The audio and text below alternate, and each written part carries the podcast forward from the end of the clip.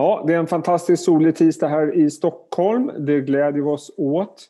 Eh, lika, vad ska man säga, härligt solstrålig är Fredrik Skoglund. Kul att se dig igen Fredrik. Detsamma Jesper.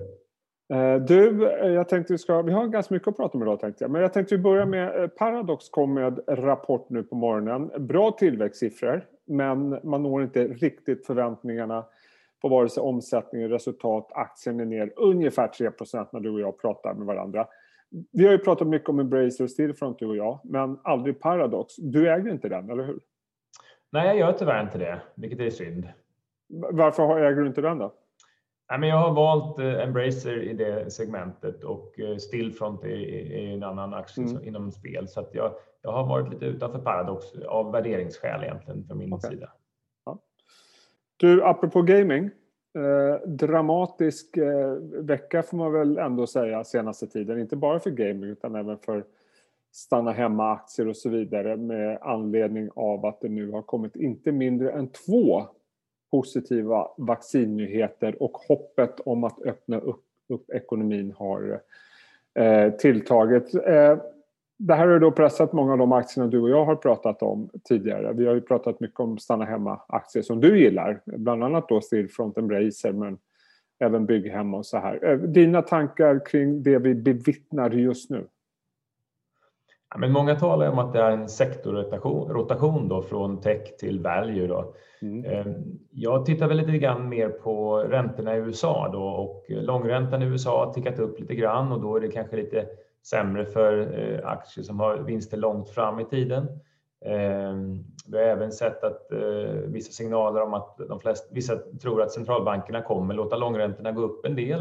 Ehm, det är viktigt att stimulera och, och, kommer inte hålla nere långräntan då, utan kommer stimulera den korta ändan. Så det är ju en, kanske en naturlig eh, följd av ränteuppgången och att man då förväntar sig att vi ska kunna normalisera eh, verksamheten eh, generellt sett någon gång under nästa år. Då. Och då blir det den här rotationen, så det kanske inte är så oväntat. Och den är ju, som jag pratat med många förvaltare om, den känns ju trots allt ganska rationell, riktningen på rörelsen, även om vissa reaktioner kanske kan tyckas vara överdrivna, eller hur? Mm. Ja, men så är det ju. Jag tycker ju vinsttillväxt är det yttersta måttet mm. som, som lyfter eh, Eh, aktier på sikt och vinsttillväxten i Stillfront och Embracer då som exempel är fortfarande otroligt hög. Så att jag, jag, tror fortfarande det finns eh, en plats för dem i en portfölj framåt. Men, men hur tänker du annars? För vi har ju som sagt pratat om de här aktierna och det råder ju ingen tvekan om att de har gått eh, operationellt fantastiskt bra även innan pandemin, eh, som man poängterade. Det här är ju inte liksom bara en pandemivinnare. Men ändå det vi pratade om tidigare, att det, nu finns det en förhoppning om att vi kan gå tillbaks till någon form av normalitet någon gång under nästa år. Jag vet att du är ju väldigt mycket stockpicker, tittar på vinsttillväxt, men så kommer det in liksom i bakhuvudet det här lite allokeringstänket då, att det kanske är dags att öka upp lite grann med konjunkturkänsligt och så vidare. Hur resonerar du? Ja, men I min process lägger jag huvudfokus på eh, bolagsanalysen, men har även en top-down-process så att säga kring räntor och eh, vilka teman det är som driver marknaden här och nu. Eh, och ett viktigt inslag i det är ju räntenivån. Eh, så när räntan tickar upp, ja, men då får man fundera lite annorlunda då, liksom kring, kring vissa, vilken typ av sektorexponering etc. man ska ha. Så absolut, jag har ju tänkt på det i, i det senaste här och eh, liksom fundera hur kartan ser ut utifrån ett top-down perspektiv när vi går framåt. Och eh, jag misstänker också att eh, någon gång från vad då, andra halvåret nästa år. Vi har ju pratat, ältat det här tidigare du och jag, det här med tuffa jämförelsesiffror. Eh, någonstans kommer det slå in för, inte alla bolag, men, men många av de här stanna hemma-aktierna. Eh, vad säger du om det? Ja, men så är det väl. Eh, Q4 nu är fortfarande ett ganska lätt jämförelsetal då för många av dem. Och Q1 generellt sett är väl okej. Okay. Det var väl halva Q1 som var väldigt starkt. Då. Eh, men sen blir det lite tuffare jämförelsetal. Men sen så får man också komma ihåg om man tar ja, men Embracer, Stillfront och Sinch, då, tre aktier som jag har gillat länge. De har ju gjort otroligt mycket förvärv under det, närmaste, under det senaste året, ett och ett halvt åren vilket också kommer att ha en positiv skjuts även in i nästa år. Då. Och, och jag tror inte att eh, någon av de tre har slutat, kommer sluta göra förvärv. Jag tror det kommer komma fler förvärv. Så att, eh, jag tror nog vinsttillväxten kommer fortsätta vara ganska hög i de tre. Och, och tittar man på lite mer andra då, stanna hemma-aktier som som kanske har gynnats av en eh, renoveringstrend etc. Ja, men där kanske det är lite tuffare då under, under nästa år eh, när vi kommer in i de jämförelsetalen. Då. Men det är fortfarande kanske två kvartal till då med, med hyfsat bra eh, jämförelsetal. Och jag förstår det som att eh, på Bauhaus eh, är det fullt ös om jag ska tro dina vittnesmål. Nej, men det var det. Jag var där häromdagen och det, är faktiskt, det var ju smockfullt igen. Så att, eh, mm. Vi får väl se nu med de nya restriktionerna från regeringen om det, om det blir mindre sånt. Men, men i helgen var det i alla fall fullt. Eh, jag tänkte gå vidare. Fredrik, jag gav dig ett uppdrag inför den här eh, intervjun. Jag gav dig två tydliga eh, saker att ta fram. Dels ska du ta fram ett par aktier som vi aldrig eller sällan har pratat om. Eh, och dessutom skulle du ta fram en aktie där din investering inte har gått som planerat. Det vill säga någonting som skulle bli guld men det blev bara sand tills vidare. Eh, om vi börjar med de positiva nyheterna. Du har två aktier som vi... Jag tror vi har nämnt det du men, men det är inte någonting som vi har pratat regelbundet om. Eh, jag tänkte att vi börjar med Recifarm. Eh, ja, jag, jag, kommer ihåg när det här, jag kommer ihåg när det här bolaget kom in på börsen. Då intervjuade jag VD och styrelseordförande och jag kände är ett perfekt Jesperbolag. Lite småtråkigt, man vet vad man får. Är det din take också? Inte så tråkigt kan man väl inte säga. För det här är ett bolag också då som gör mycket förvärv mm. och gjorde ju ett väldigt stort förvärv nyligen som de har precis eh, liksom digestat, tagit in pengar och eh, börjat integrera fullt ut i, i bolaget. Då. Så det och det är konsort bara för att uh, förtydliga. Konsort, man köpte i december, för knappt ett år sedan va?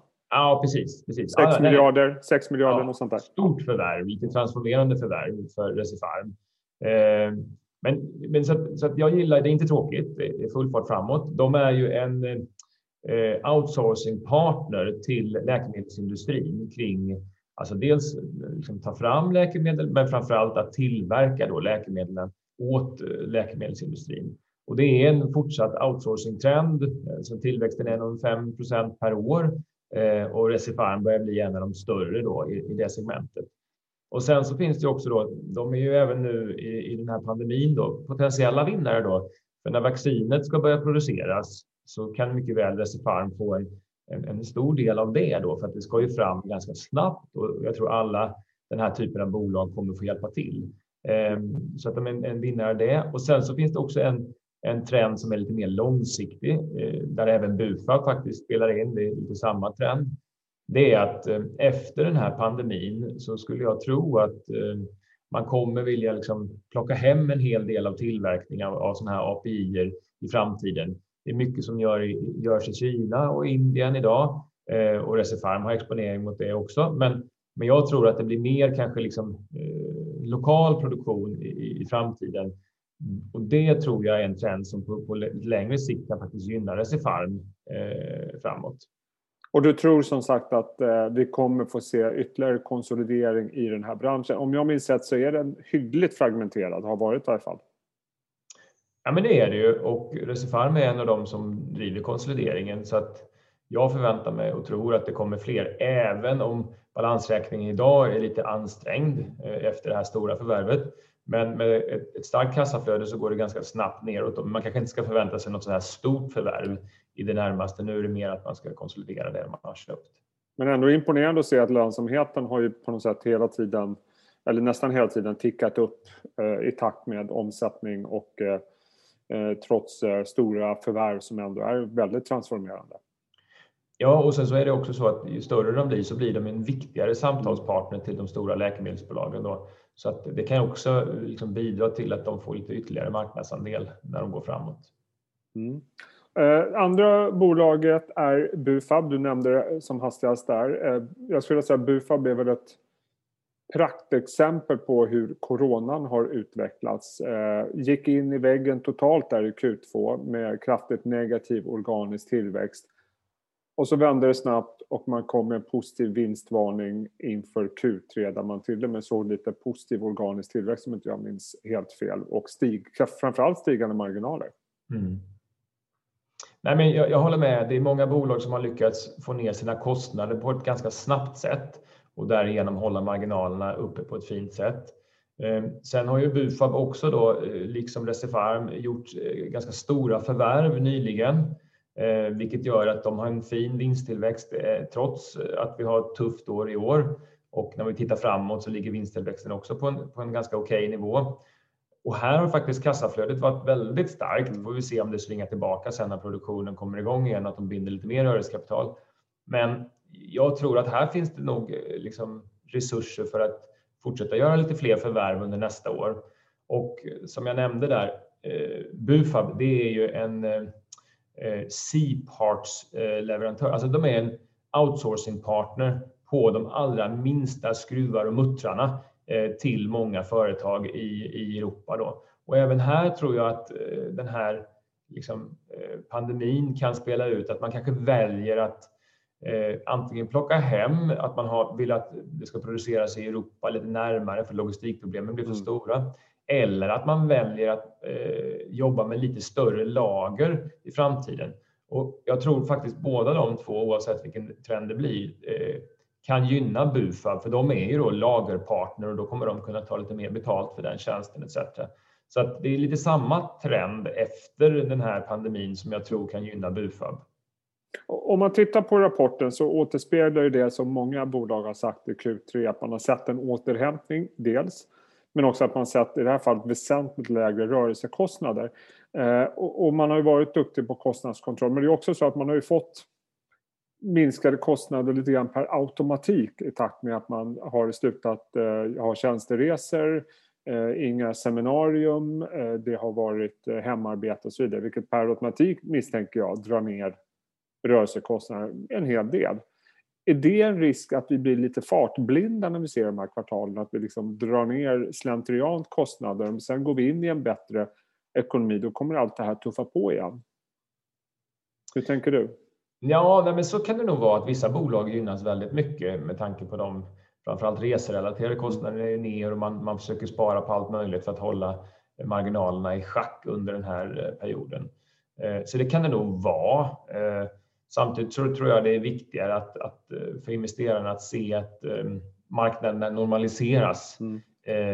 Det är nog viktigare än att, att man ser marginalen för 2021 eller 2022, att den ska vara helt perfekt eh, så att säga. Då. Ehm, men det, det, det, kan vara en, en risk i vissa bolag framåt, det tror jag nog med anledning av det vi pratade om tidigare, det här med att vi har haft den här sektorrotationen och man kanske ska tro på en bättre ekonomi. Är, alltså jag misstänker att Bufab, som du var inne på, också kommer gynnas eh, relativt mycket av att ekonomin återhämtas och kommer tillbaka. Är det här en typisk sån aktie som du känner att här kanske man ska ha lite mer om man tror att ekonomin ska återhämta sig? För värderingen, vad, vad pratar vi om? P 15 någonting nästa år kanske? Eller?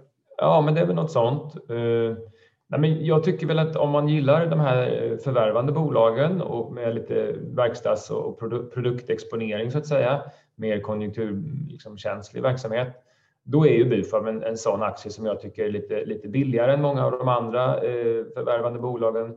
Eh, och eh, jag tycker de har bevisat det lite grann nu sista tiden genom att gjort några förvärv och jag tror det kommer fler förvärv. Eh, så att, ja, men jag, jag, jag gillar den där. Eh, så får vi se. Den är, de är ju en underleverantör till producerande bolag, men en ganska viktig del. De här C-parts står ofta för 80 procent av eh, liksom administrationen eh, alltså kring liksom en produkt, men det är bara 20 procent av kostnaden. Så det, det, det är en, en, en liksom hantering som de producerande bolagen vill outsourca det är inte där de viktiga kostnaderna är för det producerande bolaget. Då. Så att jag, tror, jag tror Bufab har en bra plats i värdekedjan kring producerande bolag. Ja, jag tänkte vi ska avsluta med det tråkiga eh, och det är en aktie som du äger men där eh, det inte har gått som du har tänkt och det är Resurs. Jag tror aktien är ner ungefär 20 procent på ett år skulle jag misstänka en aktie du äger som sagt, vad är det som har gått fel i det caset? Vad är det som har gjort att aktien inte har utvecklats som du hade tänkt dig? Nej, men jag hade väl tänkt att den här aktien inte skulle drabbas av bankfrossan generellt, men där hade jag ju fel. Att Buffa, eller Resurs har ju fått följa med eh, bankaktier generellt neråt då. Eh, och man har ju varit orolig för att konsumenten ska sluta konsumera. De ju, har ju konsumentkrediter, men det har ju fortsatt på en okej nivå ändå och klarat sig betydligt bättre än vad man befarade. Klarat sig betydligt bättre vad gäller eh, eh kreditreserveringar etc. Så att, ja, men jag är lite förvånad över att aktien eh, inte hållit sig då, för de har en, en, en bra eh, kapitalstruktur. Vi kan förvänta sig när banker sen får börja dela ut eh, pengar igen, ganska höga Eh, utdelningsnivåer skulle jag tro.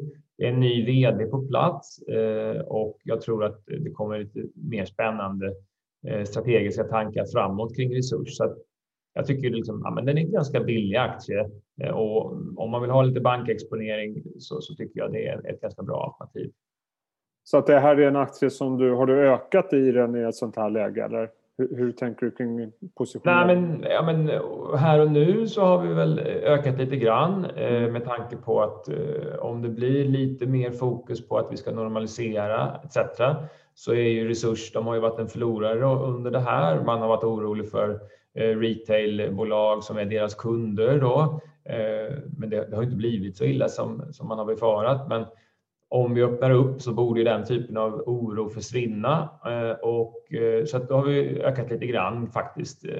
Men det är, det är fortfarande en bankaktie och de, de har det ganska tufft generellt sett. Och har haft låga värderingar länge? Det har ja, inte hjälpt så mycket utan det går lite upp ibland. Så de hängde med lite grann i den här sektorrotationen förra veckan. Men det är ju en sektor som har varit lågt värderad länge. Out of fashion helt enkelt. Ja.